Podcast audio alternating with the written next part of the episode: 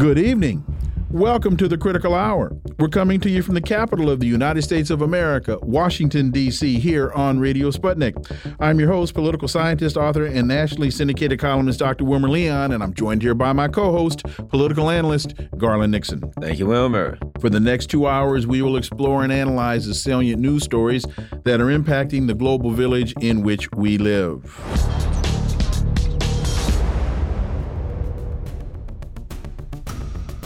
President Joe Biden today at the UN urges the world to stand firm in support of Ukraine's fight against Russian invasion. Biden called for the world to stand up to Russia's invasion of Ukraine, calling for leaders to stand firm in their support of President Zelensky and his nation as the war heads towards its second autumn. For insight into this, let's turn to our first guest. He holds the John J. and Rebecca Moores Chair of History and African American Studies at the University of Houston. He's one of the most prolific writers of our time. His latest book is entitled Revolting Capital Racism and Radicalism in Washington, D.C., 1900 to 2000. Dr. Gerald Horne, as always, welcome back. Thank you for inviting me. So, uh, President Biden said that President Putin and his armed forces are betting that the world will grow weary of supporting Ukraine, and it is incumbent upon the countries in the United Nations to stand firm against President Putin's aggression. Quote If we allow Ukraine to be carved up, is the independence of any nation secure? I respectfully suggest the answer is no. We have to stand up to this naked aggression today and deter other would be aggressors tomorrow, Biden said. Well, I guess he was talking to himself because, and this is what I think we would call a projection. We would also call this, I mean, there are a lot of, I guess, very nice ways I, I could put this but the world will grow weary of supporting Ukraine. But the United States started to fight, Joe. So, Dr. Horne, help me out here because uh, Biden's rhetoric doesn't match reality. That should be surprising only to those who do not pay attention. Recall that quite famously, the former Pentagon chief and head of the CIA, Robert Gates, said during the first Biden presidential run, 2019 2020, that he had been wrong virtually on every foreign policy issue in recent years. Uh, I dare say that that equation has yet to change. Recall also to the point of what he was accusing uh, Moscow of, it reminded me of that old saying that those who point the finger of accusation have three fingers pointed back at themselves. And I thought immediately, of what Mr. Biden proposed in the early years of the 21st century when the second Bush uh, team regime invaded Iraq. And of course, Mr. Biden said that yes, Iraq should be cut up into various pieces. It should be balkanized further, actually exacerbating the disaster that Mr. Bush, number two, had led the country into. However, if I had uh, more sympathy uh, for an aging senior citizen, uh, I would sympathize with the plight of Mr. Biden, who, after all, is facing an impending impeachment inquiry. Polls suggest that the race is tightening between him and his uh, presumed opponent, uh, Mr. Trump increasingly important bigwigs, such as David Ignatius of the Washington Post, are requesting that he drop out of the race. And likewise, according to the New York Times, he has lingering resentment towards his predecessor, Mr. Obama, since supposedly Mr. Obama counseled him in 2016 not to challenge Hillary Rodham Clinton in her disaster of a race to defeat Mr. Trump. But it would have been well if Mr. Biden in 2020, 21, 22, not to mention today, had heeded the counsel of Mr. Obama, who warned that in any conflict with Ukraine, Russia would maintain, quote, escalatory dominance, unquote. And that is what has been unfolding uh, as we speak. In any case, uh, at his United Nations speech, Mr. Biden somehow managed to track the disastrous words of his Secretary of State, speaking of Antony Blinken, who a few days ago uh, spoke to an elite and waiting audience at Johns Hopkins University. Uh, war criminals on training wheels is another way to look at them. And in some ways, this was a bleak speech by a myrmidon of U.S. imperialism, speaking of Mr. Blinken, uh, because he conceded what we've been arguing for in recent days, weeks, perhaps months, that yes, we are in a multipolar world, but Mr. Blinken then leaps to the disastrous notion that somehow U.S. imperialism can confront Russia and China simultaneously. Uh, first of all, it's unclear if that's possible. Uh, second of all, it's unclear if the European Union, essential to this titanic battle, will be on board. That may be one of the reasons why Mr. Macron chose to not to arrive at the United Nations session in New York because he did not want to confide this council uh, to Mr. Biden. Uh, recall that it was not so long ago that both Berlin and Paris uh, sent their heads of state and government with plane loads of businessmen uh, to China to try to broker deals. At the same time, we see that in a recent meeting between Russian Foreign Minister Lavrov and Chinese Foreign Minister Wang Yi, that it was a virtual love fest. Uh, if I didn't know better, I would think something else was going on. In any case, they're preparing for what will inevitably be a triumphant visit of Mr. Putin to China uh, within months, uh, which will be a further evidence that yes, we are in a multipolar world. And no, Mr. Blinken, no, Mr. Biden, you have embarked on the wrong path.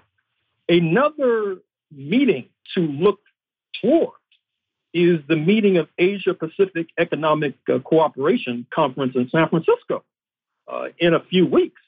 The question is will Mr. Xi Jinping show up across the Pacific, or will he continue uh, his uh, previous pattern of dodging uh, Mr. Biden as if he were a process server or a spurned lover uh, because he does not want to deign to speak uh, to this man who is embarked on a wrong path. And then, of course, there is the supplicant of U.S. imperialism, uh, speaking of Mr. Zelensky, who will be showing up in New York and in Washington, begging bowl in tow. He will be receiving a lukewarm uh, welcome at best. I'm sure you saw the article in the New York Times suggesting that an alleged uh, Russian attack on a Ukrainian marketplace uh, might have been friendly fire from Ukrainian forces. Yes. I think that that, in a sense, was softening up uh, Mr. Zelensky for the inevitable, which is that if you look at the votes in Congress, support for this U.S. escapade is rapidly diminishing. And combined with the poll numbers of Mr. Biden, the impeachment hearing, uh, it's unclear uh, whether the Congress will be able to move forward with more billions for that collapsing regime. And speaking of the collapsing regime, uh, I trust that you and your crack news team will investigate the latest story, which is that Czech, the Czech Republic is spurning the request of Mr. Zelensky to return thousands of draft dodgers mm-hmm. uh, to Ukraine. The question is how many draft dodgers from Ukraine are in the United States of America? And what has been the response of the U.S. authorities? Are they sending back these young men to a certain death? Uh, we await an investigation by Sputnik. Couple of things we'll put together. As uh, all of that unfolds, uh, Washington Post reports anxiety ripples through the Democratic Party over Biden. Now, they keep talking about Biden's age, but, you know, Wilmer and I, and we all discuss it. We know they can't come out and say it is his cognitive decline, so they have to say age. But as all of this goes on, we've heard today that Sergei Shoigu, the defense minister of Russia, he will be meeting with Iran's military on Thursday in Iran. Uh, Bashar al-Assad from Syria, he's going to meet with President Xi, apparently, with at President Xi's request. All kind of things happening, and Joe Biden's facing impeachment and anxiety is rippling through his party, as they say. Your thoughts on all of that, Dr. And just quickly, this is the first time in the articles that I've seen about this issue. Not only did they say age, but in this article, they say age and energy. Mm. So uh, they're adding another element beyond age that, as far as I could discern, they hadn't added before. And, and Trump's going to Detroit to and talk Trump's to the United to, Auto Workers, and he's go. not. Anyway, Dr. Horne. Well, uh, speaking of low energy, recall that it was in 2015, 2016 that candidate Donald J. Trump wielded that claim of low energy like a cudgel against then contender Jeb Bush, the erstwhile governor of Florida and it helped to sink Mr. Jeb Bush's poll numbers, uh, forcing him into a premature retirement. Uh, perhaps uh, Mr. Biden will suffer a similar fate. With regard to United Auto Workers, it was a striking article in the New York Times where a number of workers on the picket line expressed, uh, at best, lukewarm support for the candidacy uh, of Mr. Biden uh, that is not necessarily the kind of news that the Biden campaign uh, wants to hear. And likewise, uh, if you look at some of the other foreign policy maneuvers of the Biden team, they do not inspire confidence. I'm now turning my attention to what's going on in Armenia, uh, a former Soviet republic, as we speak. Apparently, the conflict with neighboring Azerbaijan is heating up. Historically, Armenia, a predominantly Christian country, was protected in a sense by Russia, not only after 1917, the Bolshevik Revolution, but even before. And recall that before the Bolshevik Revolution, there was the genocide inflicted on uh, Armenia. Azerbaijan is predominantly Muslim, as you know. And somehow, I'm afraid to say that the influential Armenian American community, which includes former California Governor George Deukmejian, and of course the notorious Kardashian family, have whispered in the ear of the authorities in Yerevan, encouraging them to turn towards U.S. imperialism, which can only end in tears. And, and one more footnote uh, recall that notoriously, the rapper and fashion designer, once known as Kanye West, uh, said notoriously that slavery for African Americans was a choice. He, of course, traveled to Armenia with his then spouse, Kim Kardashian.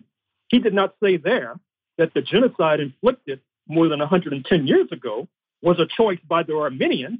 And of course, he too plans to run for president and exhibits the kind of ineptitude that Mr. Biden is making infamous.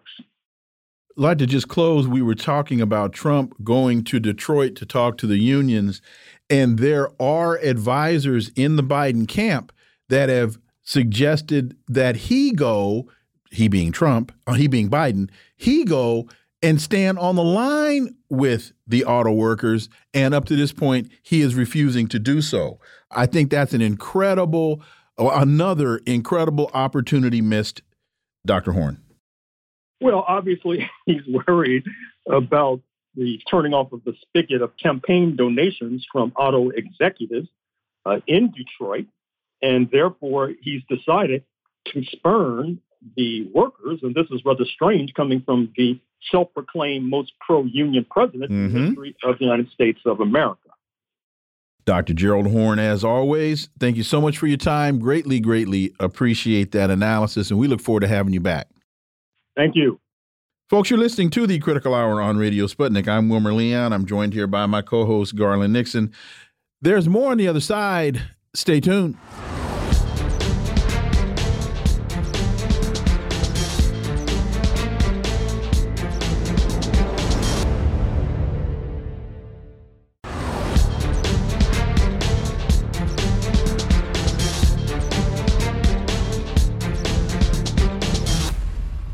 We are back, and you're listening to the Critical Hour on Radio Sputnik. I'm Wilmer Leon, joined here by my co host, Garland Nixon. Thank you, Wilmer. Orinoco Tribune reports China deepens ties with Venezuela, challenging U.S. hegemonic mindset. Venezuela's president, Nicolas Maduro, took a historic trip to China this September. There, the two nations signed 31 comprehensive agreements and formally upgraded their relations to an all weather strategic partnership, one of Beijing's highest designations. China and Venezuela jointly blasted the uh, hegemonism of the Western powers, Beijing formally condemned the illegal sanctions that Washington has imposed on Caracas. What are we to make of all of this? Well, for insight, let's turn to our next guest. He's a writer and professor of East Asian and Global History at New Mexico State University, Dr. Ken Hammond. As always, welcome back. Hey, thanks for having me here. So, uh, Orinoco Tribune continues. Chinese President Xi emphasized that his government will firmly support Venezuela's just cause against external interference. The global political and economic order is changing rapidly. One of the biggest shifts the world has seen in the past 20 years is in relations between China and Latin America. Ken, one of the things that I'm, I'm finding very interesting as a lot of these visits and these exchanges are, are taking place that the leaders that the United States has spent an awful lot of time and PR vilifying are really turning out to be statesmen.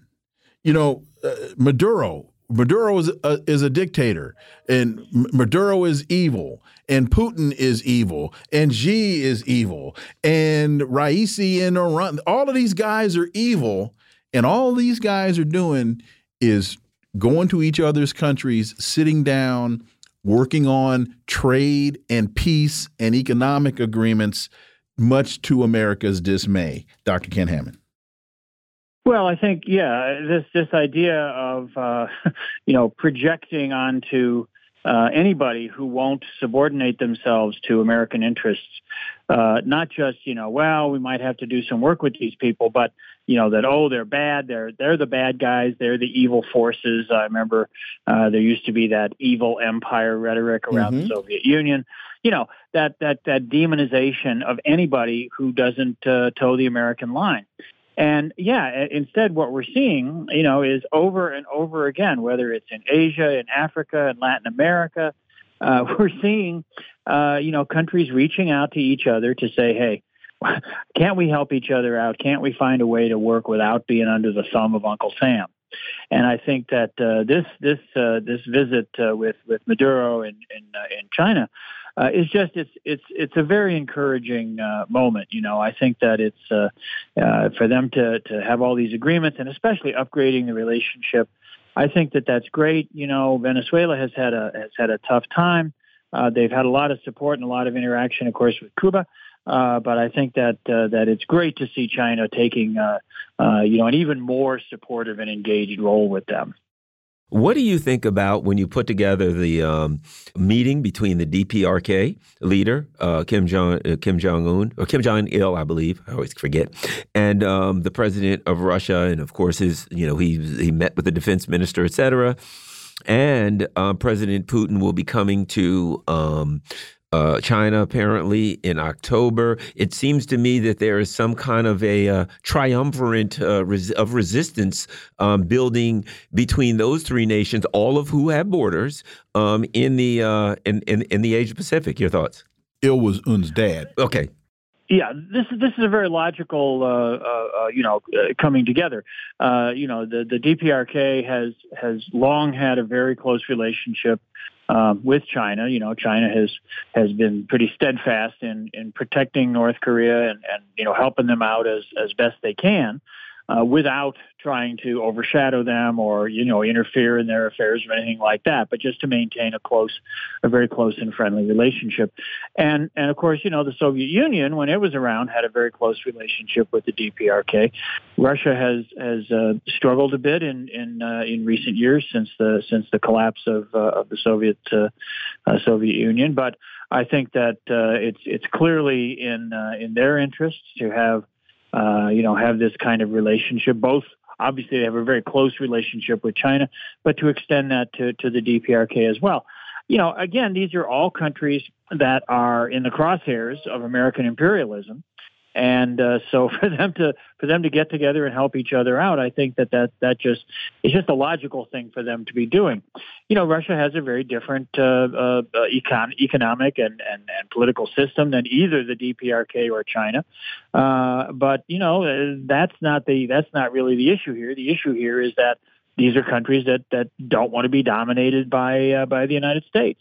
So just as with with you know Venezuela or or Cuba or uh, you know, countries all around the world, the expansion of BRICS, things like that, we see more and more countries, more and more people coming together to say we want a world that is that is you know is more diverse, is more multicentric, is more dynamic for the people, uh, you know, uh, wherever they are, and and and pursuing their own agendas and and enhancing their own livelihoods without just being subjected to this domination and exploitation by by the United States, which is you know increasingly a spent force, and uh, and you know really needs to to wake up and, and get with the program of of finding a better a better path into a, a new world rather than trying to you know just constantly uh, get everybody they can under their thumb.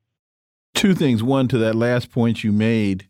One wonders how much damage to the United States will have been done by the time the United States does finally wake up and realize that the game has changed and it's time to to shift to new policies and new strategies. One can only hope that it happens sooner than later. There's a uh, interesting piece. U.S. Secretary of State Blinken meets Chinese Vice President Zhang on UN sidelines amid open lines of communication. I, I find this interesting on the one hand because every time Tony Blinken seems to go somewhere, he insults the people that he's going to talk to, or Joe Biden, you know, the good cop, bad cop routine winds up playing bad cop to Tony Blinken's somewhat decent cop. And the other thing I wondered is, do when when we go back to the meeting of the of Tony Blinken with the Chinese delegation in in Anchorage, Alaska, a couple of years ago. I wonder if Vice President Zhang was in that meeting when the Chinese told him, "Look, man, you can't talk to us like this. We ain't gonna sit here and take this from you. We're going to we're going to get some dinner." We know for sure that uh, that that Wang Yi, uh, who's now the foreign minister, was uh, was in that meeting. He mm -hmm. was mm-hmm. the one that uh, that that gave it right back to Blinken, and of course, Wang Yi just met with uh, with Jake Sullivan mm -hmm. in Malta. You know, so there, you know, there, it's interesting that there are some of these conversations taking place. but as ever, you know, we can't just we can't just be like, oh, great, look, now things are gonna mm -hmm. gonna get onto a better track because at this point it's happened so over and over again, you're kind of waiting for the other shoe to drop. You know, who's going to say something stupid? What's going to be announced about more aid to Taiwan, more military intervention in Taiwan? What's going to, you know, uh, be trotted out next? Although we have to say at the same time that, uh, you know, this this uh, uh statement that's come out from uh, the retiring uh, chief of the, you know, head of the Joint Chiefs of mm-hmm. Staff, admitting that the whole thing about the the the balloon was was wrong, was just a, a, a complete lie. You know that, that it wasn't spying, it wasn't meant to come over the United States. It really was basically just what the Chinese said. Now, months and months later, after this has become just a trope in popular culture, oh, the Chinese spy balloon, we hear about it all the time he comes out and he says, you know, actually, that's not what happened at all. That's a, that was a complete distortion. Uh, you know, so I don't know. Maybe maybe maybe some calmer heads might be trying to trying to trying to shape things a little differently. But I'm very reluctant to to be too optimistic uh, until this would really develop into a more sustained effort at actually addressing the problems. And given the election cycle that's coming up in the United States, I just don't see that as very likely because all these politicians are just going to try to out macho each other about who can be toughest on China. So, uh, you know, I'm I'm I'm pleased with these little signs of of some possible moderation in the American position, but I'm I'm very skeptical that this really reflects a fundamental change in policy. Well, and I'll add that there's an article on antiwar.com. Taiwan detects record number of Chinese warplanes. China has significantly stepped up its military activity around Taiwan in response to growing U.S. Taiwan ties. But add that something else that was reported General Milley had said that the U.S. needs to avoid, you know, at all cost, avoid like war and conflict with China.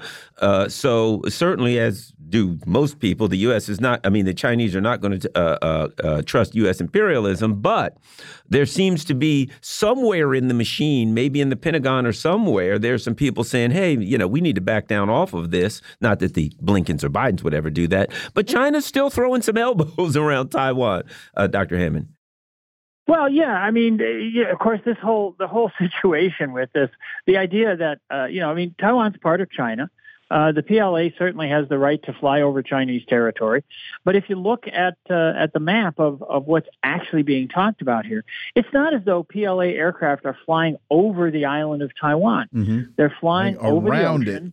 It. around it, yeah, you know, within what what Taiwan, the the local authorities on Taiwan claim is some kind of you know special zone, uh, and that's fine. They can they can claim whatever you know they want, but uh, the reality is that these are these are Chinese aircraft flying in Chinese airspace, and uh, that's recognized uh, formally by the U.S. and certainly by the United Nations and, and you know hundreds of other countries. So, you know, I think this whole thing it's just it's just more propaganda. It's just more stir in the pot, uh, and maybe maybe you know somebody in Taiwan is like. Uh, oh gosh, you know, looks like the United States might be uh, moderating their position, and some of these some of these pro-independence forces in Taiwan, who are themselves facing upcoming elections, uh, you know, might be trying to say, hey, no, no, no, don't forget, you know, China's being naughty. Uh, but you know, it's it, it's it's just more of the same on on on that front. And there's an interesting sentence in this article: PLA aircraft used to avoid crossing the median line which acts as an informal barrier between the two sides of the Taiwan Strait. But that's changed since Pelosi's visit. Now, PLA aircraft regularly fly to the Taiwanese side of the strait. So that just seems to be thank you, thank you, Nancy Pelosi, for for increasing tensions between these um, contentious sides. That that we, we really appreciate that, uh, Nancy Pelosi. Uh, final piece uh, China, Russia find common ground against U.S. hegemony as top diplomats compare notes in Moscow. Getting back to what we talked about initially, these leaders are sit sitting down and having very, very important strategic talks with each other. And in many instances, these are either relationships that are being developed or they are already developed relationships that are becoming greatly enhanced. Yeah, I think that you know obviously Russia and China have been uh, have been very close. There's a tremendous amount of trade between them. Uh, you know, they they they share this political desire to to chart their own uh, independent courses. Uh, they're very uh, reluctant to see further uh, extension of American domination. You know, they Obviously, uh, uh, Russia drew a line about the, the the expansion of NATO, and and you know I think hopefully somebody will get the message. It seems like a lot of, a lot of Europeans are waking up to that reality. So you know uh, the world is is at a point where deep changes are taking place. Countries that are looking to their own best interests are trying to help each other out. The United States continues to try to shore up its faltering uh, domination. Uh, you know, it's a it's a time of flux. We got Zelensky trotting off to the UN General Assembly, and he's of course going to get massive uh, press uh, in the United States and in Western Europe. But meanwhile, the, the, the deeper realities, the deeper structural reorientations, are proceeding apace. And these these statesmen, as I think you quite correctly characterize them, are trying to chart a path to a future that is not uh, unipolar, that is not just focused on what's best for American corporations, but is really trying to find a path for what's best for people uh, in countries all over the planet. Dr. Ken Hammond, as always, thank you so much for your time. Greatly appreciate that analysis, and we look forward to having you back. Well, as I say, thanks for having me here. Always glad to talk. We appreciate it greatly, Ken. Thank you. Folks, you're listening to the Critical Hour on Radio Sputnik. I'm Wilmer Leon. I'm joined here by my co host, Garland Nixon. There's more on the other side. Stay tuned.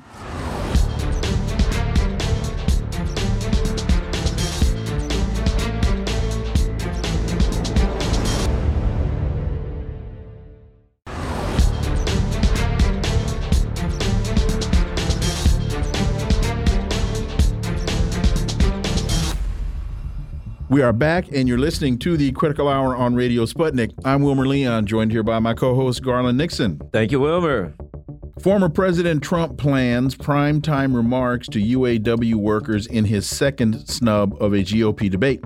Former President Trump intends to deliver a primetime speech to union workers in Detroit during next week's Republican primary debate.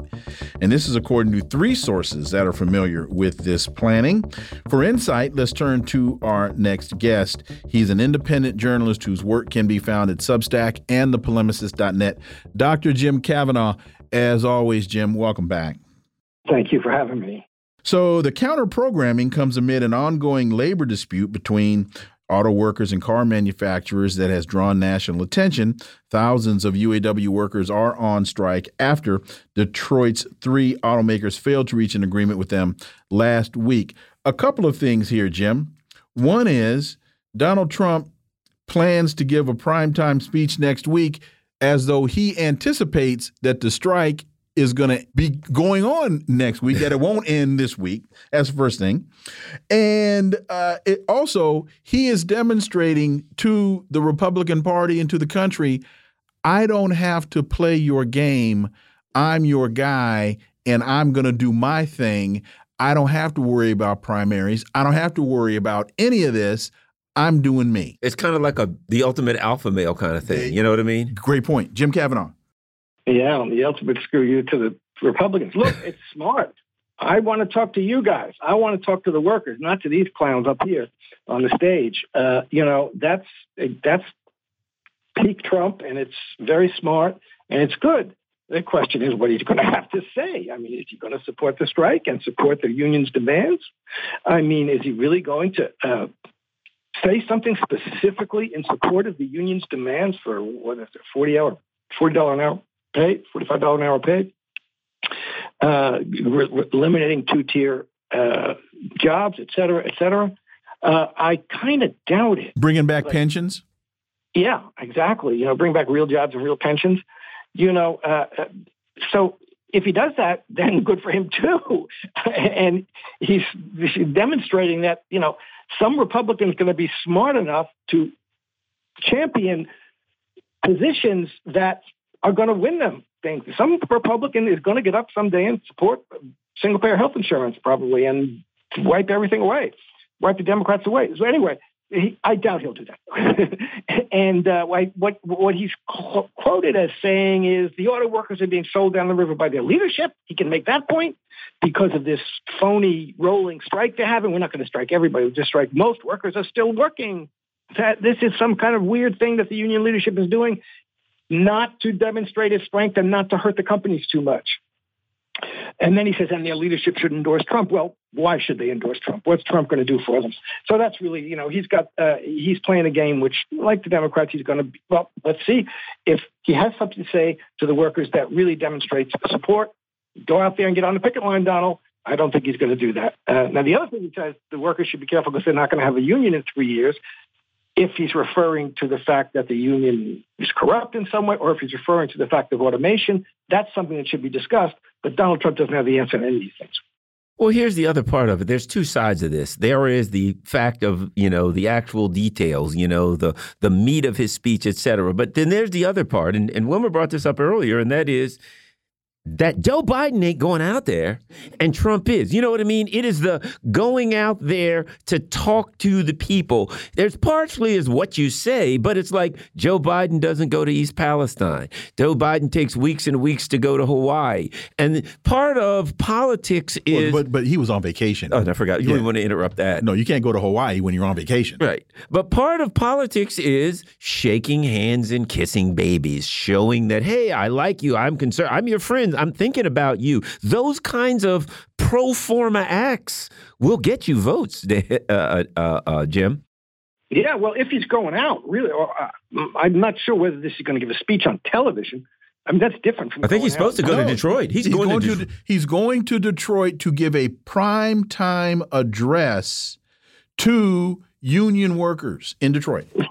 Is going to be some kind of rally with union workers. Right. Well, yeah, and he and he should get down and not just give a talk from the stage, but get down and talk.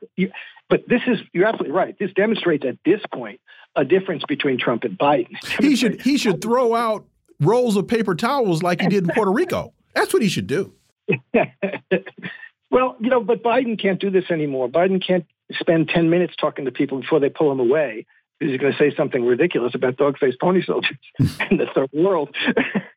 and uh, so, you know, this does demonstrate uh, in a way that's kind of important politically at this point the difference between uh, Trump's ability to get out and talk to people and give his spiel, which has a certain kind of charm, and Biden's complete lack of ability to make a coherent address and to do anything but you know blather in some kind of incoherent way or get mad at people or you know kiss little girls on the cheek. So it's it's that does demonstrate something important, and I think that's politically beneficial for Trump. Yeah, absolutely. Caitlin Johnstone writes Putin doesn't think U.S. foreign policy will change if Trump is reelected, and he's probably right.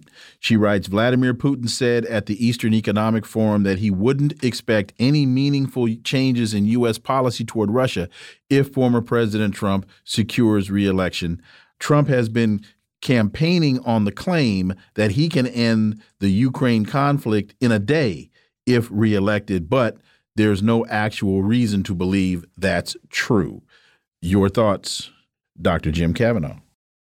Yeah, well, you know, Putin is a smart guy and he understands politics. And he's, what he's saying about the United States is absolutely true. He said it a number of times.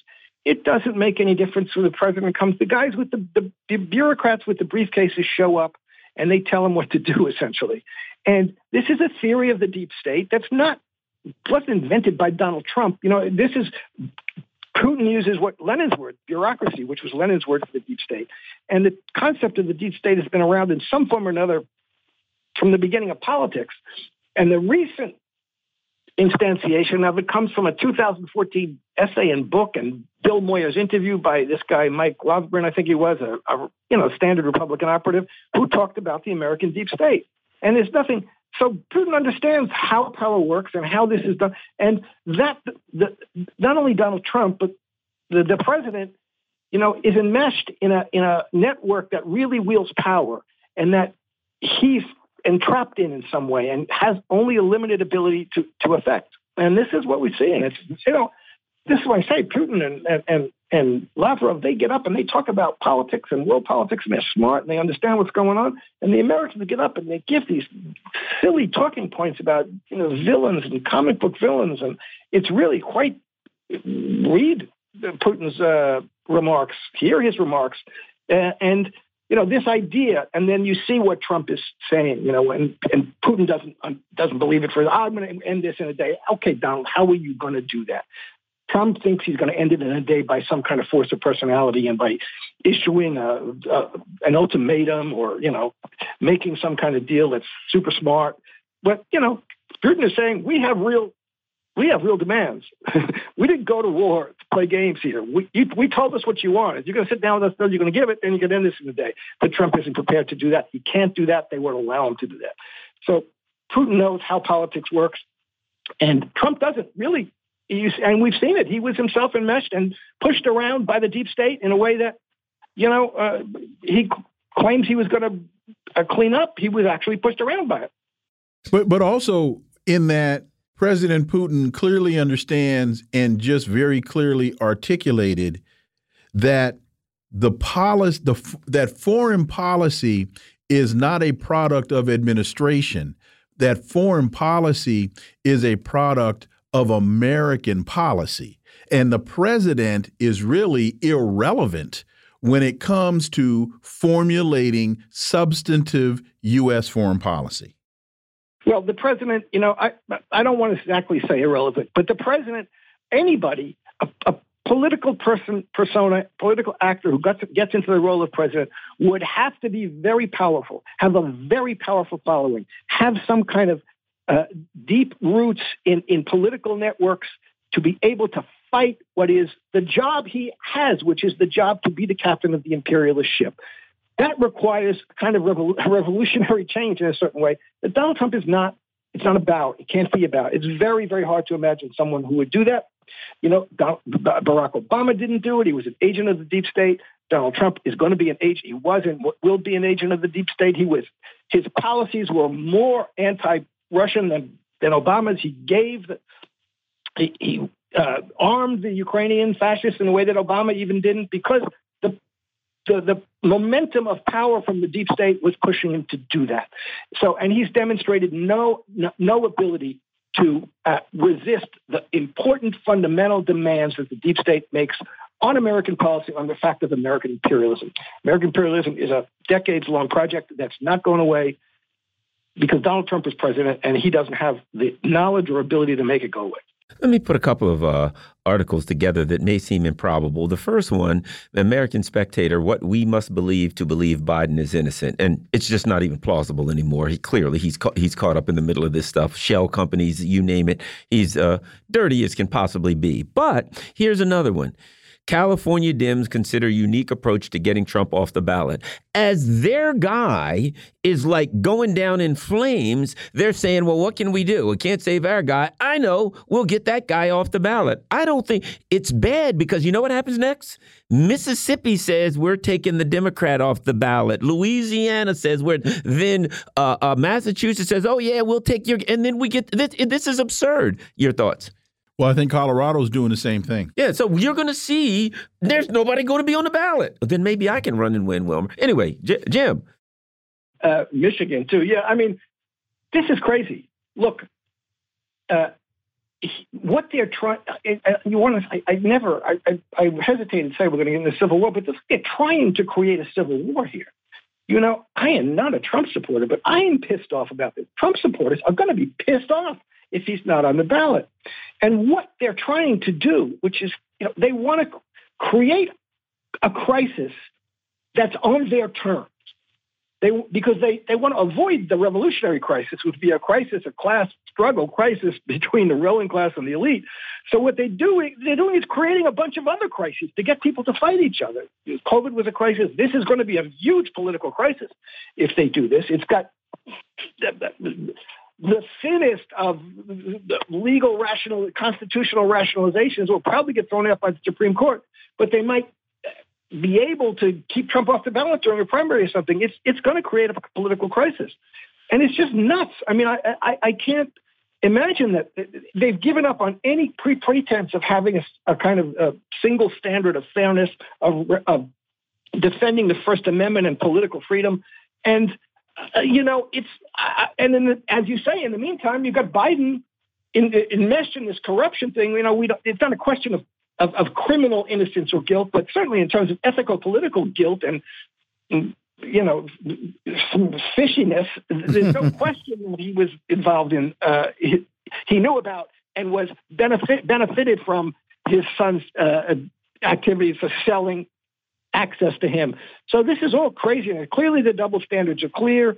Uh, Trump supporters will be enraged, rightfully so, I think. And it's a way of creating a crisis that's on their terms, which is the terms of fighting about things that are inessential to the structure of American imperialism and finance capitalism. Dr. Jim Kavanagh, as always, thank you so much for your time. Greatly appreciate that analysis, and we look forward to having you back. Thank you.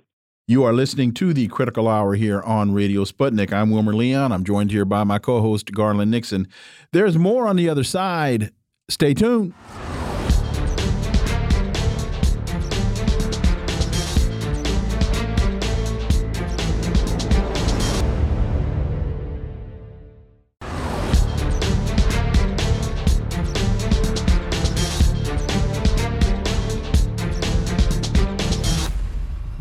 We are back, and you're listening to the Critical Hour on Radio Sputnik. I'm Wilmer Leon, joined here by my co host, Garland Nixon. Thank you, Wilmer. RT reports uh, Valentine Bianchi writes For Africa, the cost of the West friendship exceeds the benefit. The election results in Zimbabwe almost replicate the situation five years ago, and this allows us to draw an important conclusion about Africa. For insight, let's turn to our next guest. He's on the Africa team of the Black Alliance for Peace and coordinator of the Black Alliance for Peace's out of U.S. Out of Africa Network. Uh, Tunde Osazua, welcome back. Thanks for having me. Great to be here. So uh, Bianchi writes These days, a rather stable trend is emerging. African countries strive to build relations with all the major players in the world, but they choose to become partners with these countries that give Africa the freedom to remain itself without imposing conditions. The continent wants to cooperate with countries that offer real partnership and interaction, not subordination. For Zimbabwe, these are primarily BRICS countries rather than the West, as the presidential election this August has clearly demonstrated. Your thoughts, Tunde? Yeah, uh, so in uh, the Zimbabwe case, right, we know that trade and financial sanctions have been put in place really to cripple the advancement of, um, you know, the country. Uh, Zimbabwe is uh, uh, has been under sanction for uh, a number of years um, due to, in essence, its its uh, struggle against well, its struggle for, for land reform, right? Mm-hmm. The England, the, the EU, the European Union, and the U.S. combined to place sanctions on Zimbabwe right after you know it initiated a massive land reclamation project to return land to over 300,000 Zimbabwean families. And so I, I think you know that that's a pretty. But but wait a minute, but um, wait a minute, wait a minute, Tunde. I, I think it's I think it's very important for the audience to understand that that land reclamation project was a signed agreement, the Lancaster House agreement between Robert Mugabe, the president of Zimbabwe at the time, Margaret Thatcher, I believe, who was the prime minister of England, and Jimmy Carter, who co signed it, saying to Zimbabwe, if you're if Britain reneges, we'll back it up. And then Ronald Reagan becomes president. It might have been the the it might have been the prime minister before Margaret Thatcher. I, I can't remember. But Thatcher becomes prime minister, Reagan becomes president, the deal goes out the window, and Mugabe says, "Well, you know what? I'm doing this anyway because I have a signed agreement here. And to you, white Zimbabwean farmers who want your money, call London, don't call me.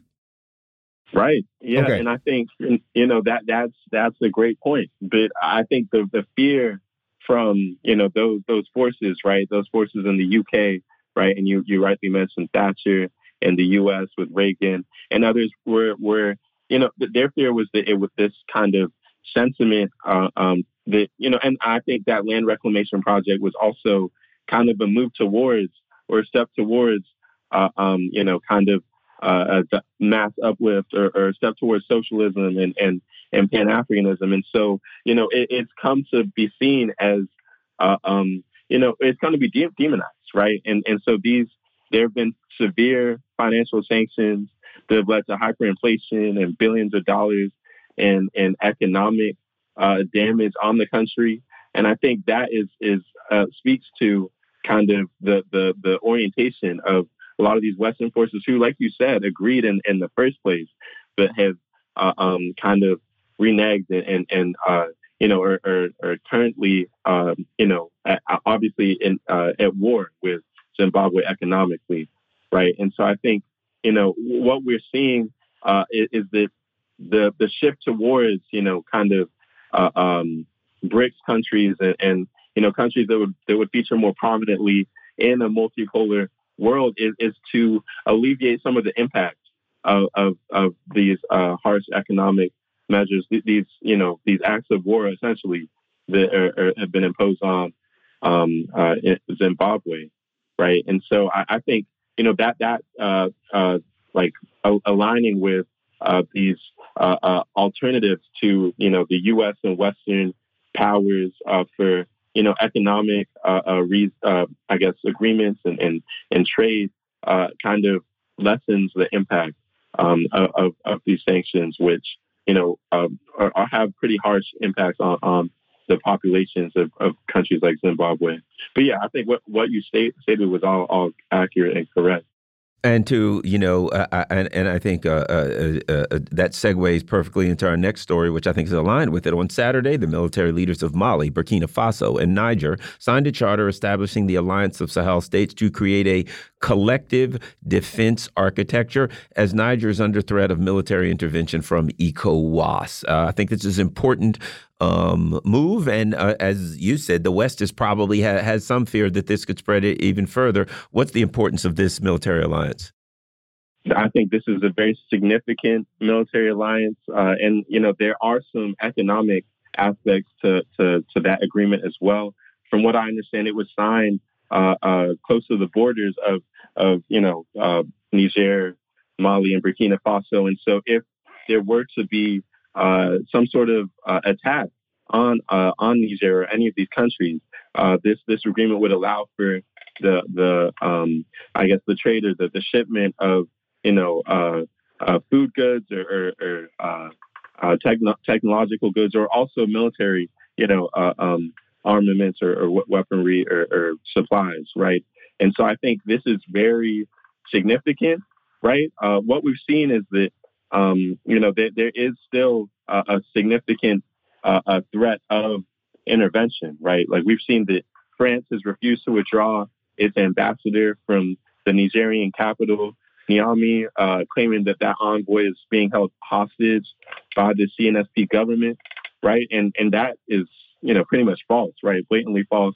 The statements like that by the French President Macron are kind of designed to provide a rationale for you know a military strike or some longer term intervention in Niger to undermine the political trajectory of the new government. Um, and so this this type of agreement, right, this uh, um, alliance uh, is is uh, an important, uh, uh, I guess, aspect of, of, the defense against those types of threats. Uh, and and you know what we've seen is that you know in, in Niger and, and, and, Burkina Faso and Mali, they're, they're very used to France and, you know, France's own uh, version of neocolonialism. Uh, they're, they're uh, you know, kind of very uh, resolutely, uh, uh, I guess, fighting back against that. They've called for the removal of French troops and ambassadors and, and, and the like. And, and what we're seeing is, you know, France is, is, is concerned and, and worried. But what we haven't seen as much of, I think, is the the reaction to the U.S., which is you know just as much to blame for its use of countries like Niger, for example, as a stronghold for military operations and drone operations. Right? You know, France and, and the U.S. have the same goals as neocolonial powers, but you know, France is almost like subservient, uh, a subservient neocolonial power to the U.S. Uh, because the U.S. is like the dominant neocolonial power in the world. Um, and so, if you know, these countries, right? If Niger uh, and Mali and Burkina Faso are able to successfully deal with a country like France, they will eventually have to reckon with the the the, the U.S. right sooner or later. Um, but the U.S. has been successful in some ways in terms of playing the good cop or the good police officer in like a good cop bad cop scenario with the French also playing the bad cop and you know they've been doing this for a number of years um, and so what we've seen is that you know the U.S. have been able to resume a lot of it, a lot of their drone operations in Niger, which is concerning, right? Because if if you know uh, uh, you know we're trying to deal with uh, the root causes of neocolonialism, which have really brought uh, uh, this situation uh, about, right? Which have allowed for um, you know these forces to to stoke, um, I guess, instability through through uh, violent extremist extremist groups, um, and and to you know kind of put a stranglehold on the economies of, of these countries. You know what what will have to be dealt with is the United States, and so that is something that I'm I'm thinking about. But I, I think this this uh, alliance, this agreement, is definitely a, a, massive step in, in the in the right direction, and, and I'm excited to see what what comes next. So when the coup first took place in Niger, Mali, Burkina Faso, and Algeria. I think Algeria was the first one to say that any military intervention will be considered an attack on us as well. And then I think Mali and Burkina Faso uh, accepted accepted that as well. Now you have Mali, Burkina Faso, and Niger signing this charter the Alliance of Sahel States, a collective defense architecture. What does this do to ECOWAS? Because now ECOWAS, which is an economic force uh, or alliance, now they've been asked by the West to take on a military posture against three countries now that have signed a military agreement. What does that do to ECOWAS? Where does that put them? It's a great question. And um, yeah, absolutely. Even before the signing of this charter, the Liptako Gourma Charter, the, the AES uh, uh, Charter, uh, uh, you know, like you said, Mali and Burkina Faso said that any attack in Algeria and, and I think maybe Guinea and, and some others had said that any Correct. attack against the Niger would be considered an, an act of an act of war, right, against their own um, countries that they would they would not accept any sort of military intervention. Um, and and so you know those those countries were kind of uh, uh, uh, in opposition to the official ECOWAS position, which had you know which included boisterous threats of military intervention invasion of Niger. Right, it was led by the Nigerian government um, uh, uh, and and Tinubu, who who was very uh, um, you know, outspoken in terms of wanting to to engage uh, and, and support that type of military action, right? And so ECOWAS was was threatening to to in being intervene to uh, reinstall Bazoum as, as as as president, right? Bazoum, who had been endorsed by France and the U.S. as someone who would support the ongoing presence of AFRICOM troops and the French Foreign Legion troops in uh, um, Niger right? But their, you know, their uh, their shift, right? Like they've toned down that language in, in recent weeks uh, or, or, recently, right? And you know, they they seem to be taking more of a diplomatic approach mm-hmm. to the situation in Niger, which is kind of a reflection of the widespread opposition to a military intervention by various sectors of the population and political structures in the ECOWAS states, right? Like we, we saw the Nigerian Senate, which is dominated by Tinubu's own party, the All Progressive Congress that rejected his proposal for an intervention in neighboring Niger, right? And, and you know, so I think the, the other piece is like ECOWAS has imposed sanctions, and so this alliance, this this uh, uh, this uh, Liptako char- charter will allow for you know the the economic cooperation between these various states, which will help them, uh, uh, I guess, fend off some of the uh, uh, you know terrible impacts and effects of sanctions on the populations of these countries. So it should help to an extent there, but sanctions are still, you know, a huge threat, and mm-hmm. ECOWAS is, is, is, is a big part of, of enforcing those on Niger and, and, and beyond. Tunde Osazua, thank you so much for your time. Greatly appreciate that analysis. We look forward to having you back. Thank you so much. Folks, you're listening to the Critical Hour on Radio Sputnik. I'm Wilmer Leon. I'm joined here by my co host, Garland Nixon. There's another hour on the other side. Stay tuned.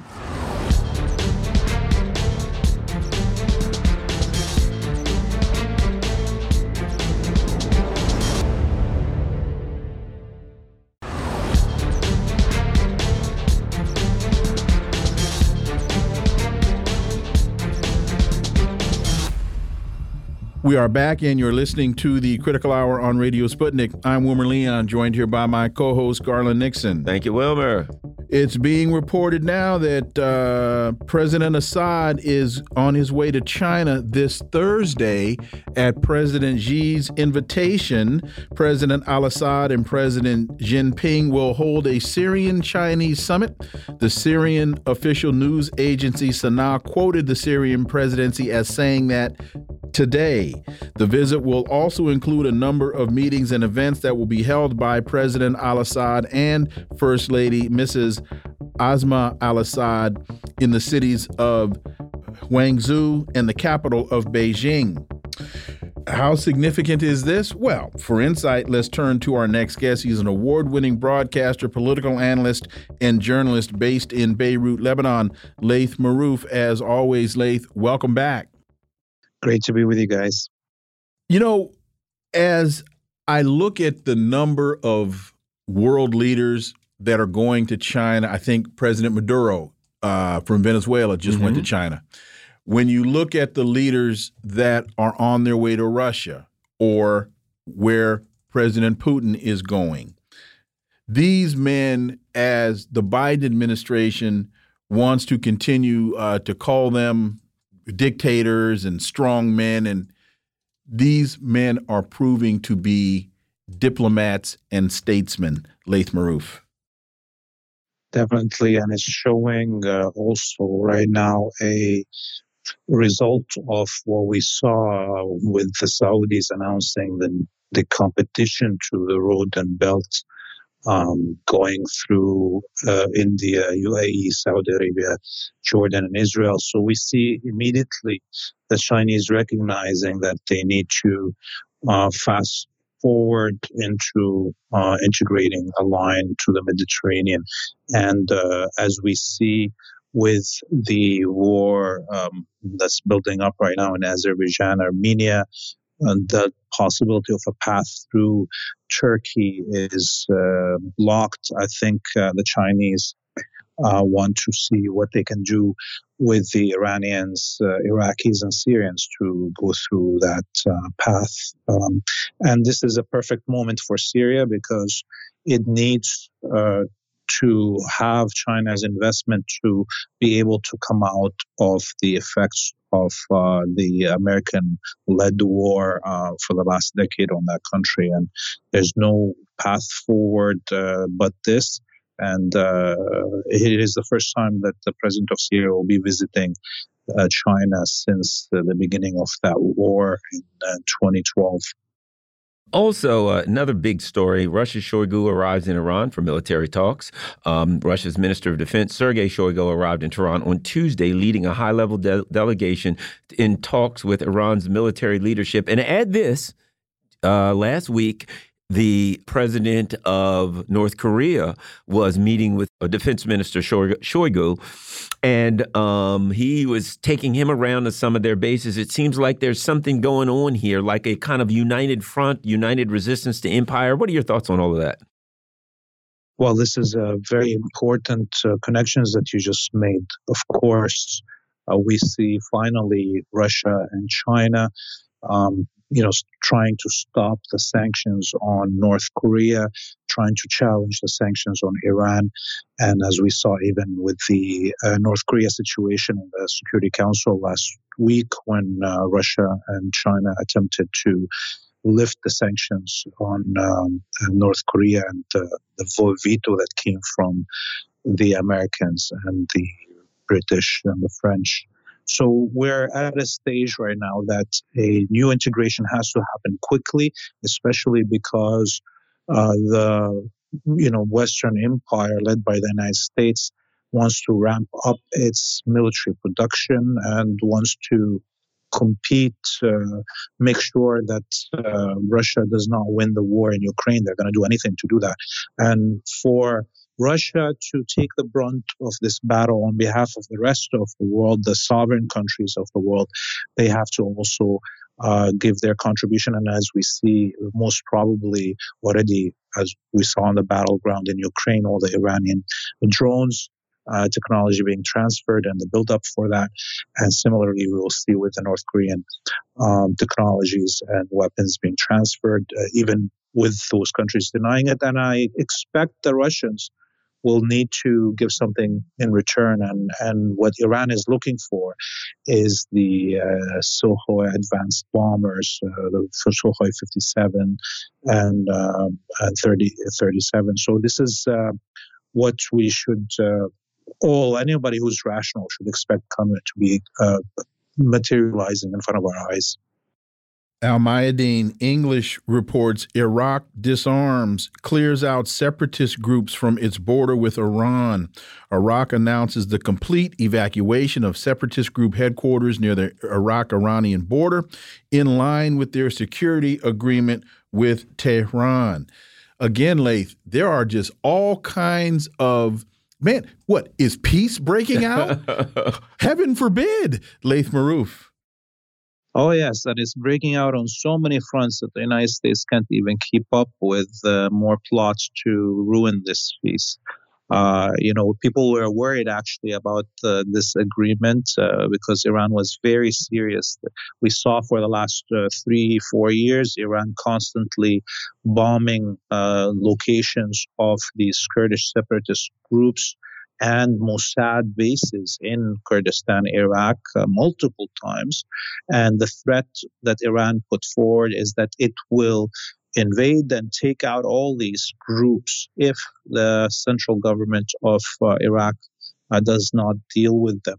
And as we saw, this was not only the end result uh, of these groups being moved out uh, from the region, uh, is not only beneficial to Iran, it was beneficial to the federal government of Iraq because the Iraqi government was able to, uh, you know, make sure that the provinces in the north uh, east of Iraq, the quote unquote Kurdistan, Iraq, uh, and their government had to submit to the sovereignty of the federal government and allow their troops to come in and take over uh, the border checkpoints and remove these.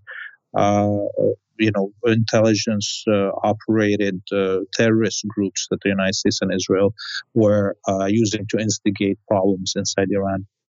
Yeah, uh, that's what I was going to say. You know, how also does it affect the U.S.'s ability to project its power? We do know that the separatist groups, that a lot of these, uh, you know, jihadist groups, the U.S. Was, you know, financing, funding, training, arming, etc.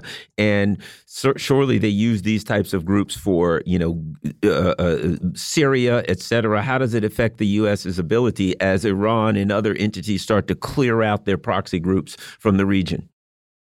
Well, you know, the United States as an empire is like the Hydra. And as we see uh, this humongous success, the United States already is instigating a war on uh, the northern side of uh, Iran with between Azerbaijan and Armenia, and which will cut off Iran from trade to Russia through Armenia. That the the land uh, line uh, for trade between the two countries, and that's clearly going to lead to um, instigations in the northern provinces of Iran. Iran is also saying that it will not allow Azerbaijan to do this. So you see, the United States constantly finds ways to, uh, if one of its uh, proxies uh, fails or its plots fails, it will instigate another one very fast as the other one is failing. And this is what we see with this situation in the northeast of Iran, northwest, sorry. The Middle East Eye reports two state solution must return to forefront, says Saudi foreign minister. As U.S. pushes for Israel Saudi normalization, Prince Farhan says there's no solution without independent Palestinian state. Uh, Saudi foreign minister Prince Faisal bin Farhan, he said this yesterday. We've heard this type of rhetoric before, but Laith does the current geopolitical landscape give this statement by him more resonance, or is this just more rhetoric that will fall by the wayside? It is uh, rhetoric on one hand, but it also is significant on another. It's rhetoric because the Saudis are, you know, in the background for decades. Uh, we're collaborating with the Israelis, and you know, on every plot to destroy any liberationist movement in the whole Arabic world. Uh, um, so that's, you know, they are normalized in that sense, and their money is both put in the same pot uh, of imperialism. Uh, but it is significant because at the same time, the Netanyahu regime and the Biden regime have been uh, trying very hard to have this public win uh, of having the Saudis normalize with them publicly. Uh, which will, allow, you know, strengthen their position for their elections in the situation of Biden coming up, and or uh, Netanyahu's problems on the streets of uh, the Zionist colony. And so the Saudis just said basically no to both Netanyahu and Biden with this public statement. They may probably be willing to do the public normalization with these countries, uh, with the Zionist colony, if there is somebody that they like uh, in power, and uh, I presume MBS's relationship with Trump and uh, the Kushner family uh, means that he will not do this without their presence. In a related story, the UAE expresses support for Ansar, Ansarallah Saudi peace talks on Yemen. And, uh, you know, UAE was certainly involved in the conflict. Um, they got uh, cold feet when the drones and the missiles started flying into the um, the Saudi uh, oil uh, complex. But um, your thoughts on uh, what this means? Well, this is uh, clearly an indication that uh, the UAE cannot anymore affect the situation on the ground in uh, Yemen uh, because, of course, right now all uh, its original troops were on the ground were all Sudanese. Now there's the war in Sudan, and bo- both parties, uh, the military of Sudan and the uh, rapid response units that uh, mostly were employed by the Emiratis have withdrawn their troops from Yemen. So there's nobody to fight the war on behalf of the UAE and the Saudis.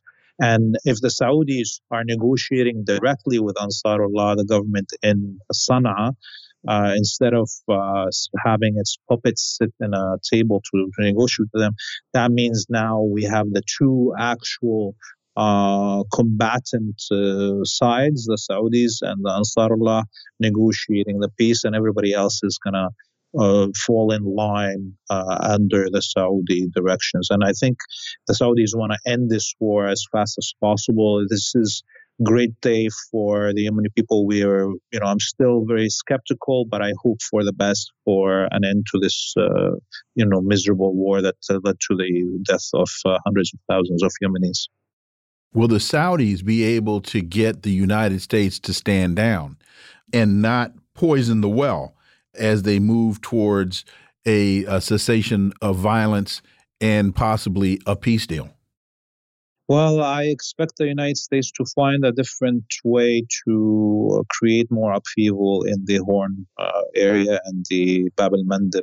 So uh, I'm already looking um, at, at uh, Somalia for the last few weeks, uh, the troubles that are happening there and the massacres that are happening there that nobody is even noticing. And I expect that the United States will be trying to revive troubles in uh, Djibouti and Eritrea uh, as, as a way to make up for its losses uh, because of the arrival of peace on the other side of the shoreline uh, in Yemen, if this uh, actually peace treaty comes to be. Uh, so, of course, as you know, we we spoke about this and when we were talking about the last piece uh, America is like Hydra and it will keep on uh, coming out with a different head to bite you. Laith Marouf, as always, thank you so much for your time. Greatly, greatly appreciate that analysis. We look forward to having you back. You have a great evening. Folks, you are listening to the Critical Hour on Radio Sputnik. I'm Wilmer Leon, joined here by my co host, Garland Nixon. There's more on the other side. Stay tuned.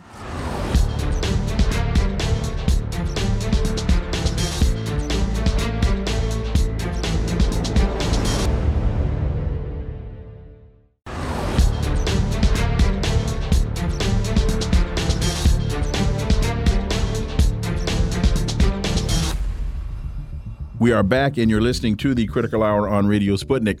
I'm Wilmer Leon, joined here by my co host, Garland Nixon. Thank you, Wilmer. The Biden phase of the Ukraine war.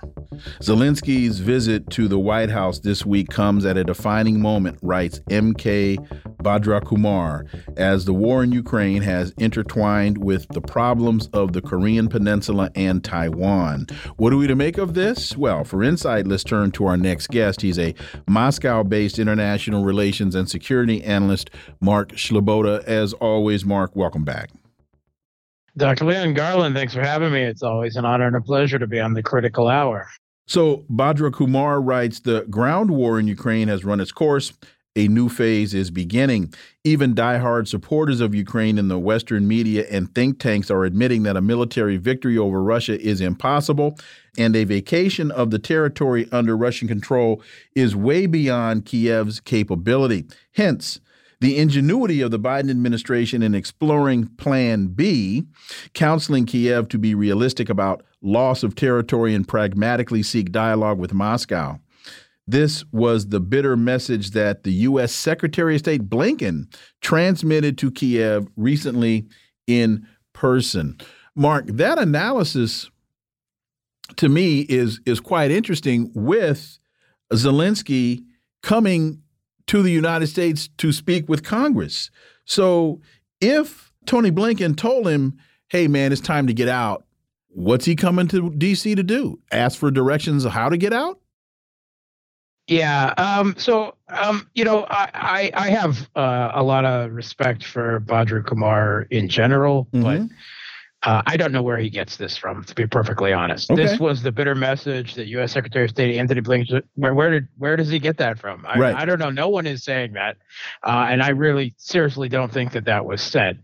Uh, however, the rest of his article uh, deals with a recent interview uh, by the former American uh, Colonel Douglas Macgregor um, uh, uh, specifically a interview that uh, Douglas Macgregor gave with the Norwegian uh, professor uh, of uh, politics and international relations and a friend of mine, Glenn Diesen, which which I watched myself before I read the article. And Douglas Macgregor, uh, I think, is a very useful corrective to the ridiculous Baghdad level propaganda that comes out of the Western media and uh, Pentagon officials uh, regarding the, you know, the facts on the ground uh, of the conflict in Ukraine. Sometimes I think that Douglas Macgregor can go a little bit overboard and, and overstate Russia's uh, military uh, capabilities. I think he's done that on more than one occasion. Uh, but um, it, nonetheless, it is a, a, very useful corrective. And he specifically talks about what Douglas Macgregor calls a the Biden phase of the war. Well, I don't, I don't really like the term because the entire war has been a Biden war. I mean, for, uh, for, for you know, for all intents and purposes.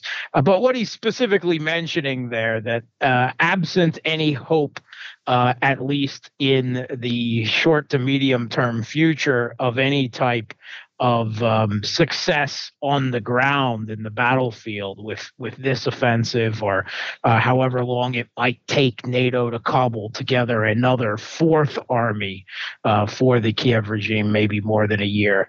Uh, but that um, the uh, scope of Western intentions would shift to focusing on uh, what uh, have been fairly routine Kiev regime's asymmetric attacks, using what long range assets that the West gives them uh, drones, uh, both aerial and maritime, um, the uh, British and French Storm Shadow or Scalp uh, cruise missiles, um, and whatever else they conduct uh, can get to to to focus on these um, long range attacks, which is rather interesting because just a couple weeks ago, uh, anonymous Biden administration officials speaking to CNN uh, said that they uh, wished that the Kiev regime would stop these long range attacks against uh, Crimea and, and Moscow that are nothing more than PR generating uh, pinpricks and focus those resources instead on the battlefield. But may, maybe since then they've, they've given up all hope of that. Um, and specifically, they address the possibility of the U.S. providing ATACMS um, uh, the Army Tactical Missile System, uh, a, a type of um, short range ballistic missile with a, a range of um, some uh, nearly 300 miles uh, that would um, it can be launched from the existing HIMARS system that the U.S. has provided, uh, making it more useful uh, to the Kiev regime than the Storm Shadows, which are air launched cruise missiles, and and the Kiev regime only has a few, a handful of the Su 24s that are necessary to fire them. They also raise the possibility of uh, Germany supplying the Taurus missile system, which is another air launched cruise missile system. But regardless, a long range attacks with missiles and drones, and, and they hope somehow that to pummel uh, Russia uh, enough through its air defense and electronic warfare uh, to to um, force them to uh, turn to negotiations more preferable to the U.S. Kiev regime terms.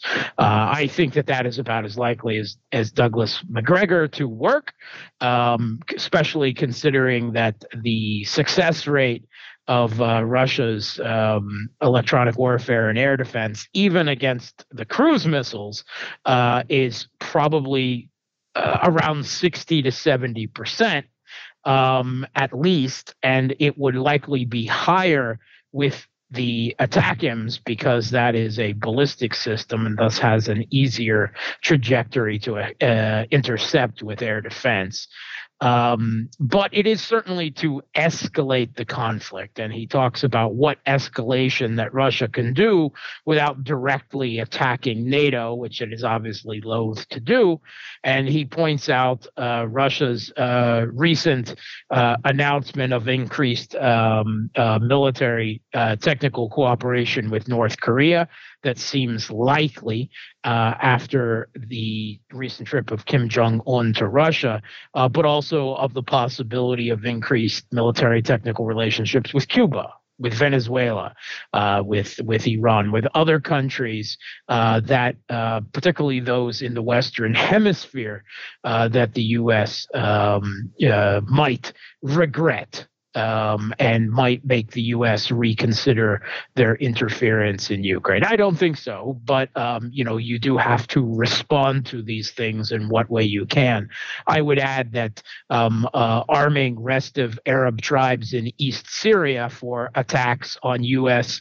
Uh, illegal occupation forces in East Syria might be another potential means of um, a, a horizontal response uh, by Russia to U.S. Uh, escalation with um, uh, potential escalation with um, uh, missiles uh, in Ukraine. A lot of things going on. We're hearing now that Sergei Shoigu is going to be in Iran in the next couple days to talk with him about the military.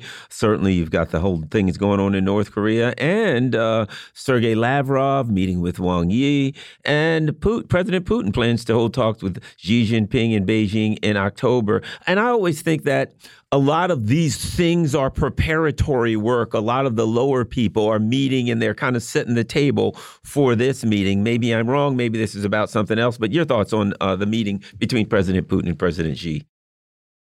Yeah, um, uh, certainly uh, Wang Yi's uh, visit to Russia, I think that is part of it. I think it's quite obvious that he's laying the groundwork uh, with uh, Lavrov. Uh, at least that's part of what they're talking about for Putin's potential visit to Beijing in October, where he might be attending a Belt and Road um, event uh, in Beijing. Um, I think that there's probably other things they're talking about. Uh, Wang Yi uh, came uh, to Moscow immediately after meeting uh, with uh, Jake Sullivan, the U.S. National Security Advisor in Malta.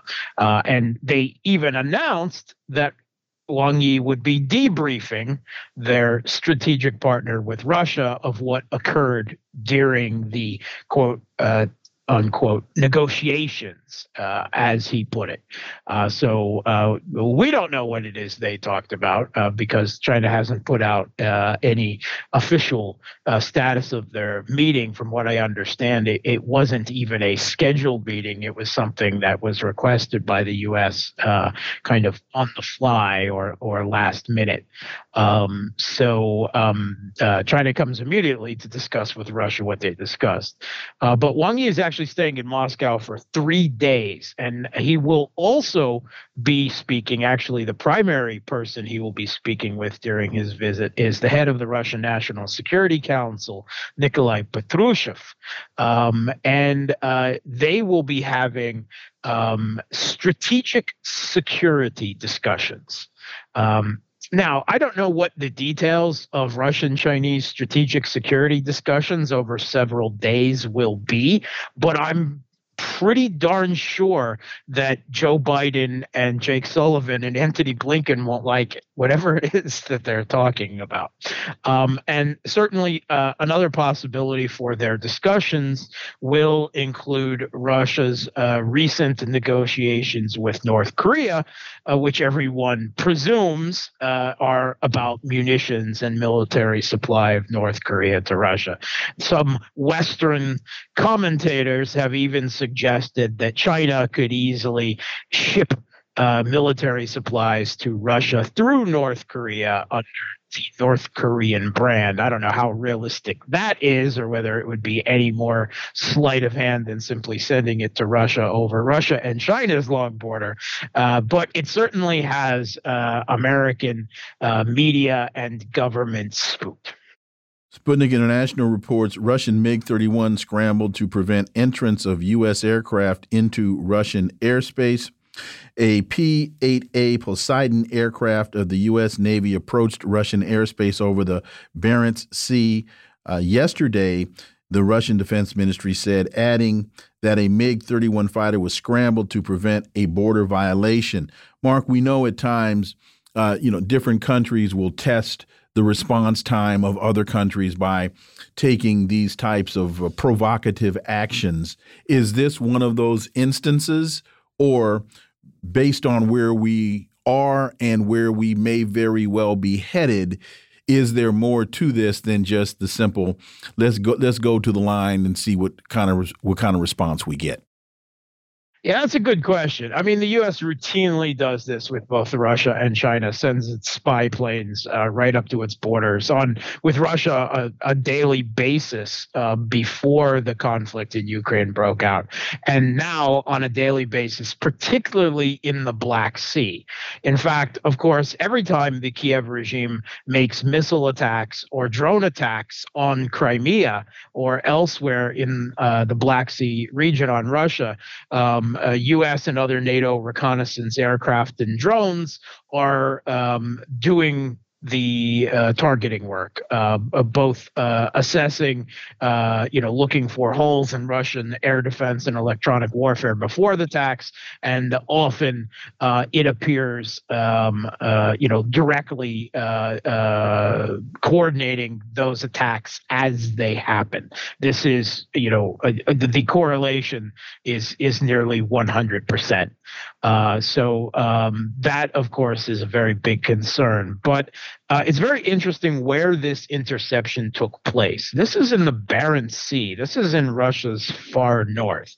So um, there are two potential um, messages being sent here. This isn't a normal place, not completely unheard of, but it, it's not normal. Uh, Finland just recently uh, joined NATO. And uh, I believe that one message that might be sent here is get used to our spy planes in the north. Hi, we're knocking on your door up here now, too. Um, and another possibility is that um, recently there was a very unusual uh, Kiev regime drone attack in a Russian airbase quite far. This was a few weeks ago, quite far from the front lines, actually outside of St. Petersburg on the Baltic. There's a lot of speculation about how the Kiev regime um, managed this attack, whether it was actually launched from the Baltic or perhaps the Baltic Sea or perhaps one of the Baltic states themselves, mm-hmm. which of mm-hmm. course would be mm-hmm. a huge escalation.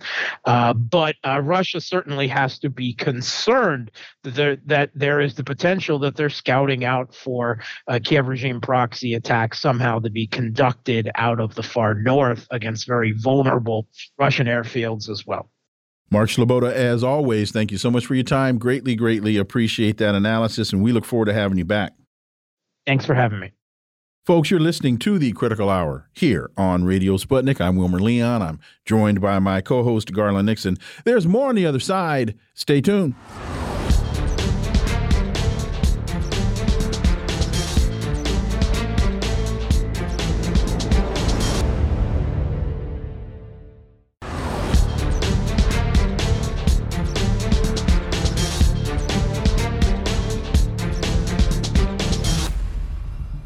We are back, and you're listening to the Critical Hour on Radio Sputnik. I'm Wilmer Leon, joined here by my co host, Garland Nixon. Thank you, Wilmer.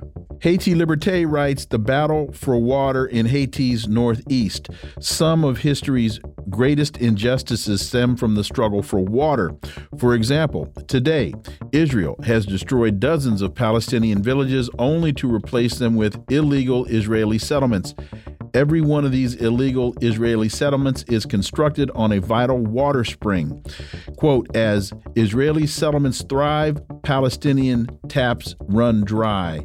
End quote. That's the headline from an August uh, 17, 2023 AP article that explains how water troubles have stalked Palestinian towns and cities because Israel controls over 80% of the West Bank's water reserves and most other aspects of Palestinian life. Are we seeing the same dynamic playing out in Haiti? Well, for insight, we turn to our next guest. He's the former co chair of the Green Party and the coordinator for COSA, Kweku Lumumba. As always, Kweku, welcome back. Glad to be back. Thank you for inviting me. So, this peace in Haiti Liberté continues in the same way that Israel is depriving Palestinians access to water on their own land. Now, the Dominican government is trying to deny Haitians their right to use water from the Massacre River, which forms the northern border between the two nations to irrigate Haitian farmland. Talk about the, the significance of this, uh, Kweku, and for all that the United States claims to be trying to do in Haiti, which is actually to Haiti, this to me is something that should be independent of all of that. in the United States should be trying to do everything it can, one would think, but we know better. Kweku Lumumba. Yes, uh, I think it's even interesting to note the name of the river that mm. that Europeans have given it, uh, the Massacre River, which speaks to two instances of massacres that have happened there. One was a um, an instance in which you had uh, French and Spanish dispute, and then the other one was more infamously the massacre of Haitians by the then government in, ni- in the 1930s um, that targeted people of darker complexion as opposed to those of uh, European hue um, that was there, and and, the, and what they called the parsley massacres because they they found people not because of their complexion, um, but because of how they pronounced parsley. Um, if you had a Spanish tongue, uh, then you would roll the R of the parsley on the tip of your tongue, and if you had a a, a French tongue, if you will, that you, you would roll the R in the back of your throat in more guttural, and so that was how they determined whether someone was from Haiti or from the Dominican Republic, and in an attempt to whitewash that space of the Dominican Republic. They wanted to remove the Haitian blood, as it were, even though uh, both of them are of African descent. And so that river was one of the main regions in which that happened. And so then it infamously became the Massacre River. But um, I would be remiss if I didn't mention that it is actually named um, the Dajabón River, which is an indigenous name. Um, and so we just have to be, I guess, anti colonial in that way and renaming this space because we don't want to continue um, to have massacres there as we could have now, where we have this dispute.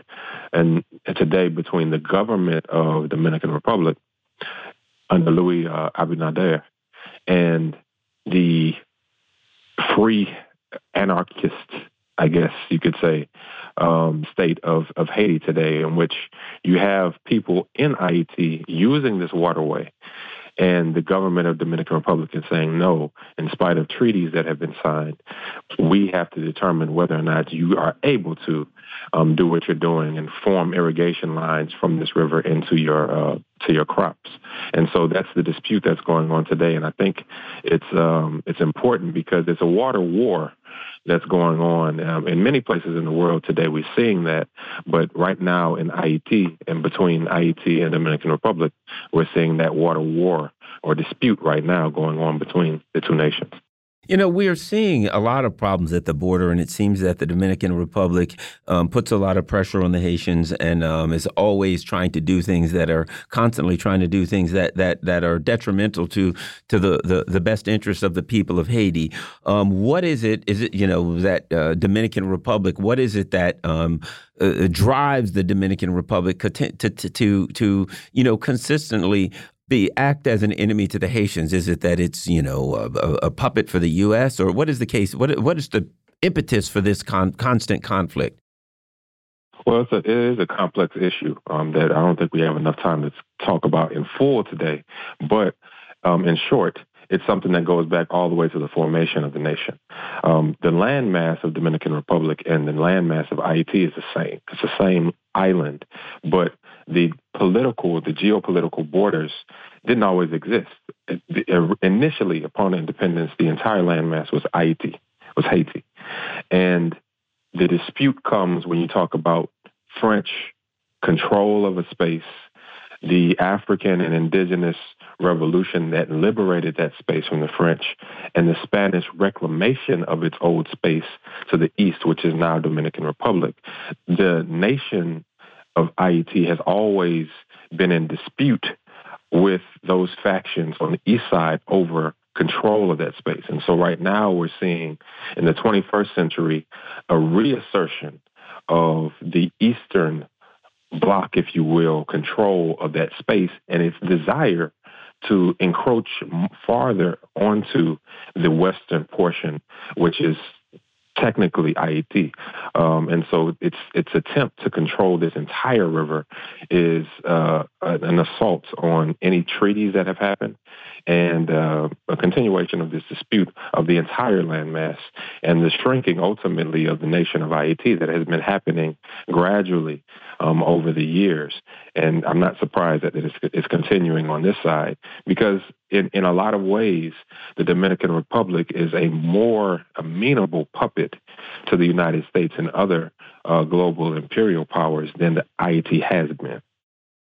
Interesting um, uh, uh, uh, summit in Cuba, the G77 plus China summit. They came up with their final declaration um, that anyone can read. It's available. We happen to pick it up on uh, Orinoco uh, Tribune. Your thoughts on the, particularly now as the multipolar world is really taking roots, and um, as the G77 plus, we see. You know, it seems to me that the the the former non-alignment um, movement is growing. Your thoughts on the group of seven 77 plus China summit and uh, what they came up with with their declaration?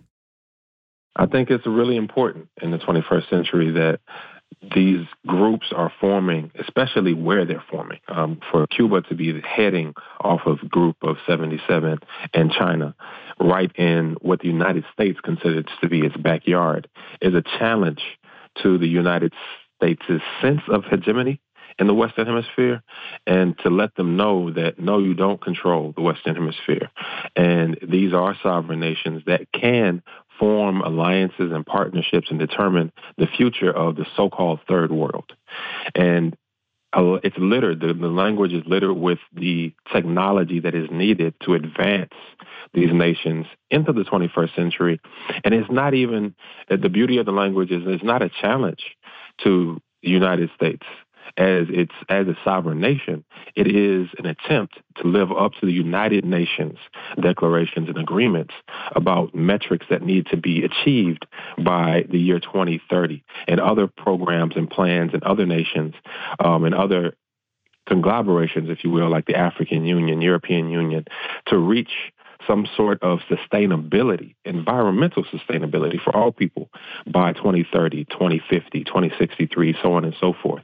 And so if the United States is in favor of these human rights attempts, then it should be in favor of the Group of 77 and China's declaration. What I think is important, and this is in the Declaration, segment six, they say, We stress the urgent need for a comprehensive reform of the international financial architect, uh, architecture and a more inclusive and coordinated approach to global financial government governance with greater emphasis on cooperation among countries so they go on. But you know that says to me BRICS. It says to me they're tired of the IMF they're tired of the WTO and the World Bank going to countries and leaving them in eternal debt to the uh, colonial powers. I think that's very important. Your thoughts on their their call for comprehensive reform of the international national financial architecture? It is important, but the note will be whether or not they are willing to challenge the United States dollar as the world standard. And I, as, as long as they don't do that, I think the United States is okay with BRICS and any other financial organization and, and, and formation, and even them challenging the IMF and the World Bank to a degree of challenging them on the loans and, and things like they've been a- able to do to different nations to cripple them into colonization. But as long as they're not challenging the, the U.S. dollar like Libya did, and like Muammar Gaddafi did, um, you really want to speak out and um, and say you know peace and um, revolution to our brothers and sisters in Libya who are suffering right now with this um, disaster that has killed tens of thousands of them um, at, at the heels of what has happened since 2011. But as long as BRICS does not make that sort of declaration, a Libyan Muammar Gaddafi Jamahiriya declaration against the United States dollar, I don't think the United States is going to have a problem. However, they do need to challenge it in order for colonization to end in the 21st century because that is the means that the United States has been using to colonize the world is its dollar. And so, you know, we'll see what happens.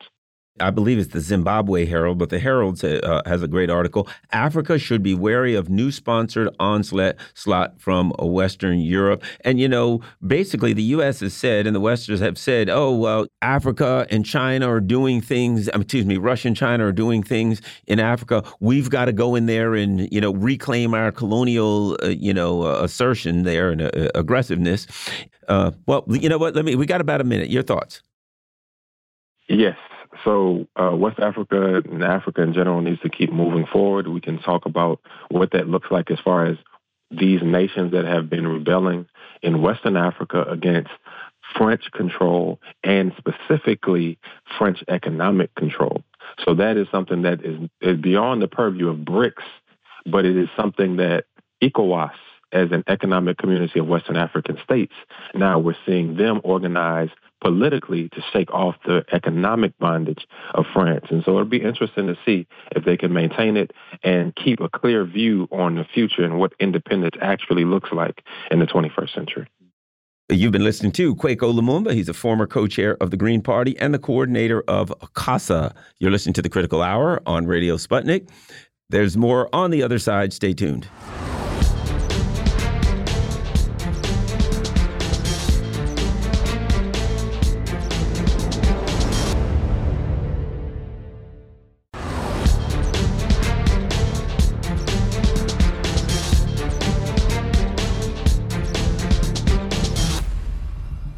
We are back, and you're listening to the Critical Hour on Radio Sputnik. I'm Wilmer Leon, joined here by my co host, Garland Nixon. Thank you, Wilmer. Biden at the UN urges the world to stand firm in support of Ukraine's fight against Russian invasion.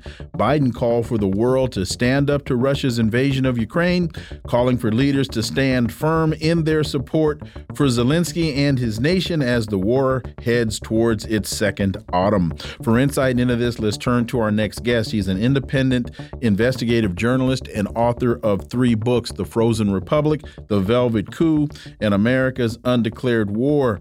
Daniel Lazare, as always, welcome back. Thanks for having me. You know, this narrative of Joe Biden is wearing thin, but unfortunately, it appears as though they don't really have many other options that they can go to. Your thoughts on what what President Biden had to say today at the UN? Well, you know, I mean, I, I think a case can be, can be made that the guy is clinically insane. I mean, if, if that, I, that guy being if, Joe if Biden? I, that guy being Joe Biden. Okay. Okay. I mean, if I if I tell you the, the, the world is flat, uh, or that the, the moon is made of green cheese, uh, or something else like that, you will think that I'm nuts, and I think you will be correct in believing that I'm nuts. Yes, because we all Biden, we all know that the moon is made of Roquefort cheese, uh, Dan. We know that. Exactly. Gouda.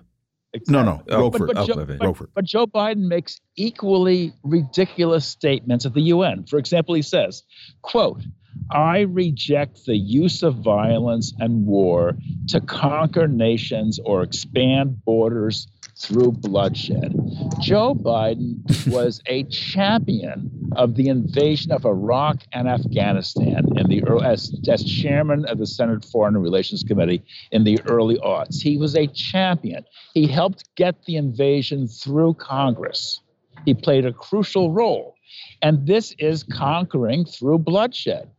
So either Joe Biden has a a dangerously short uh, memory memory span, or he thinks that the people he's talking to, you know, have no recollection of what occurred a mere 20 years ago. So it's it's just it just kind of boggles the mind. Um, he says uh, the, the, he, the U.S. will be unabashed in promoting our vision of a free, open, secure, and prosperous world. And we support investments that are designed not to foster dependency, but to alleviate burdens and help nations become self sufficient, et cetera, et cetera, et cetera. Now, everyone who listens to those words knows they're not true. Everyone knows that Joe Biden is speaking out of the side of his mouth. So the question is, why does this happen? How does Joe Biden feel that he can go before the UN General Assembly and lie and distort the truth in such an outrageous fashion?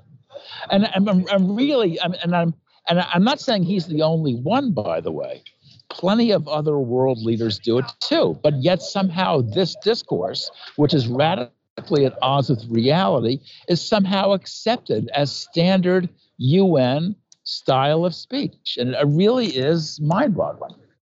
Let me add this. Uh, you know, one of the things we want to talk to you today uh, about is a couple of articles, and one of them is this: the Biden administration is providing billions of dollars of weapons to a regime dominated by people with an attitude towards Russia that is similar to Adolf Hitler. You know, as uh, Biden talks about, you know, we're standing up for independence, democracy, blah, blah, blah, standing up for the good guys, the world looks at Ukraine and says, since when do the good, are the, do the good guys have swastikas tattooed all over them? Uh, your thoughts on that, uh, Dan? Well, yes, yes. The, the, the, but the article referred to as a as a development of a of a of a um, a very complex uh, uh, nationalist ideology in the Ukraine which essentially condemns uh, uh, Moscow as an Asiatic outpost. Uh, and argues that the Ukrainians have been fighting for their freedom ever since the 11th century. Now, it's a it's a grotesque distortion of history. And the Ukraine, you know, and the Ukraine, I'm not trying to say the Ukrainians are a bad nation. They don't have their rights. They aren't entitled to the same kind of national self-determination as any other people. They're they're entitled to be able to live in peace with their neighbors, to to speak freely, to practice their culture, and so on and so forth. But they're not allowed to distort history. The Ukrainian nation, for example, has been born in repeated blood, especially anti Semitic blood. I'm referring to the, the, the, Khmelnytsky uprising in 1648, which saw tens of thousands of Jews killed, uh, to the events of 1918 to 21 of the Ukraine, where Ukrainian governments engaged in ferocious anti Semitic pogroms, and then to the period of, 19, of 1941 to 44, when Ukrainian nationalists essentially allied themselves with the Nazis and engaged in massive violence, not only against Jews, but against Polish people as well. So you know, so so as I said, the, the Ukrainians have the have the the full range of democratic rights as anybody else. But what's taking place now is the development of a extremely right wing, intolerant nationalist ideology. And let me also emphasize that this is also there's also a parallel development in Russia where we're seeing you know the development of an increasing, increasingly right wing, intolerant Russian nationalism as well. So I don't want to say that the Ukrainians are, are alone, but certainly we should not tolerate this for a second among people whom we are arming to the teeth. And what we're finding through other reports, such as protests in uh, that are that have taken place in Florida, where militias and skinheads are are dancing in the streets, and they are praising the Biden administration for supporting these Ukrainian uh, neo-Nazi fascist organizations. Yeah, there was a there was a remarkable demonstration a couple of weeks ago uh, by uh, by neo Nazis uh, near the entrance to Disney World in, uh, in Orlando, Florida, and uh, and one leader was quoted as saying that we don't like Trump, we like Biden because Biden Biden supplies military weaponry to the Azov battalion, and the Azov battalion, of course, is a neo-Nazi battalion, which is a major part of the uh, Ukrainian military. So, uh, so yeah, so it really makes for a lot of strange bedfellows. But there's no question the U.S. is definitely closing its eyes to the the flowering, if that's the right word, of a, a far right neo-Nazi ideologies of the Ukraine. Do you think that the United States backing Azov, for example, is based upon the sentiment the enemy of my enemy is my friend? Or is the United States backing Azov because there are parallel or symbiotic policy similarities between the United States and those interests? The latter, definitely the latter. I mean, uh, if if the if it was simply a case of the the enemy of my enemy is my friend, then the then the United States, by pure chance, would half the time be backing, you know, progressives and half the time be backing uh, uh, reactionaries. But actually, over the, the course of post-war history, it has consistently backed the most right-wing dangerous forces. I'm talking about Latin America, the Far East, Africa, Europe, etc. Uh, so, so yeah, so I think when the U.S. sees the Azov Battalion, it sees a bunch of nationalists and patriots who hate Russia, which is America's prime enemy at the moment, and therefore thinks absolutely nothing of teaming up with them, and that's what we're seeing. And even worse, what we're, what we're seeing, what we saw in Orlando, Florida, which we, I'm sure we'll be seeing more of, is blowback in which those neo Nazi elements, after fighting in the Ukraine, make their way back to Europe and America and essentially foster serious movements, uh, similar movements here. You know, speaking of blowback, that's the next thing I'd like to ask you about. If we know, you know, in New Zealand, uh, I believe it was Christchurch, where um, a, a, guy went in, shot a bunch of people. I think it was in a mosque or something. Mm -hmm. And he had been to Ukraine and he was, you know, one of these neo Nazis. They're arming these people to the teeth in the same way that ISIS and these types of groups has expanded and destabilized the Middle East. I mean, you get the feeling that a year, two years, five years from now, these weapons aren't going away. They could be in Denmark. They could be in in anywhere in Europe. You know, blowing up or attacking uh, synagogues or Muslim temples or anything. And and you have to think that these people aren't going away. Going away. That this is the future for Europe, and hopefully not here. Your thoughts? Yes, the the uh, the, the, the massacre you referred to was the Christchurch uh, mosque uh, shootings, uh, in which I think 51 people were killed uh, by a guy named Brenton Tarrant, T A R R A N T, who was a big fan of the Azov Battalion and who who uh, went into the, the mosque wearing the famous black sun emblem, which is a kind of a version of the uh, of the swastika, which is extremely popular among the uh, among the Azov battalion and others like that. So yes, it was a definitely a, it was a definite case of blowback, and 51 people, 51 entirely innocent people lost their lives as a consequence. And, and as I said, I suspect you're going to see that Europe is going to pay a price for this. And this is going to destabilize Europe.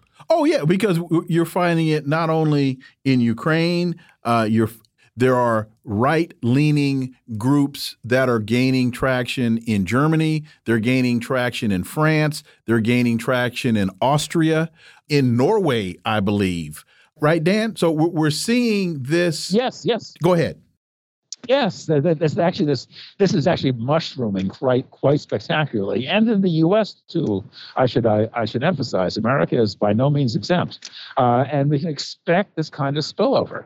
And the more the U.S. fosters these forces in the Ukraine, the more we can expect them to pop up at home. I think it's really a very standard. The parallel, the the, the, the classic example, are the uh, the Afghan Mujahideen who uh, the U.S. Uh, supplied with arms in the 1980s so they could battle the Soviets. And out of the Afghan Mujahideen uh, came uh, Al Qaeda, and of course then 9/11 and more and more horrors. So so essentially that that same pattern is being repeated, only instead of Islamic fundamentalists, we're seeing neo Nazis. And frankly.